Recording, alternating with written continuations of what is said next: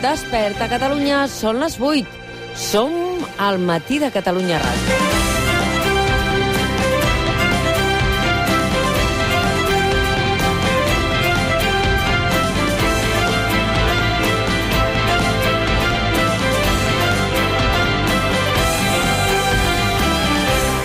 Mireu, aquest cap de setmana, per consolar-me de les declaracions de Donald Trump, que demostra la seva excel·lència intel·lectual un dia rere un altre, dient que hem de deixar de fer proves de la Covid-19 perquè si ho fem n'apareixen més casos, i en paral·lel constatar com els països més vulnerables, les multinacionals del tèxtil deixen sense feina milers de persones subcontractades, als països on els cusen la roba, enmig de tot això, estava revisant els treballs de final de grau dels estudiants de periodisme.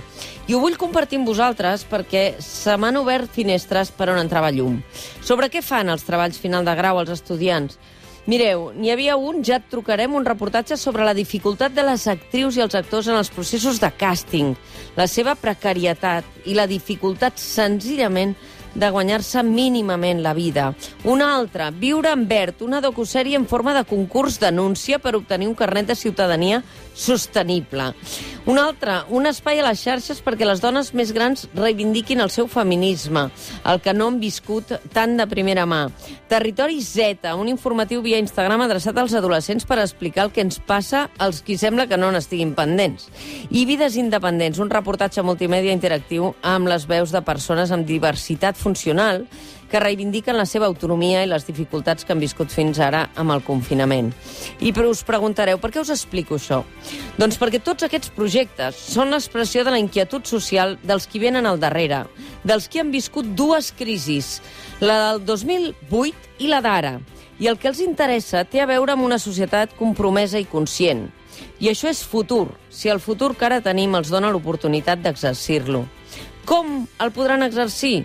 Doncs radicaran el compromís de les empreses de totes i de tots els àmbits per demostrar la seva capacitat no només de donar feina, sinó de fer un sentit de la responsabilitat col·lectiva, com la tenen ells. Recordeu què dèiem a l'inici d'aquesta crisi de la Covid-19? Que ens ajuda ens ha d'ajudar, dèiem, a capgirar les prioritats.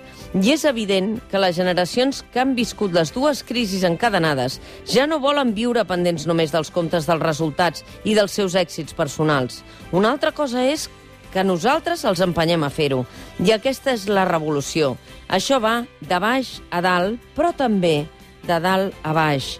El discurs polític ha d'activar la mirada llarga, no només de paraula, i oblidar la pressió immediata i la bronca continuada, perquè la seva acció construeixi un futur que compti amb la mirada dels que hauran superat dues vegades una debacle.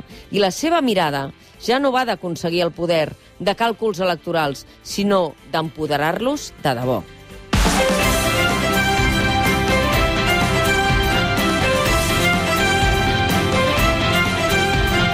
Des d'ara fins a la una som amb vosaltres perquè passi el que passi, volem que aquest sigui un bon dia. El matí de Catalunya Ràdio, amb Mònica Terribas.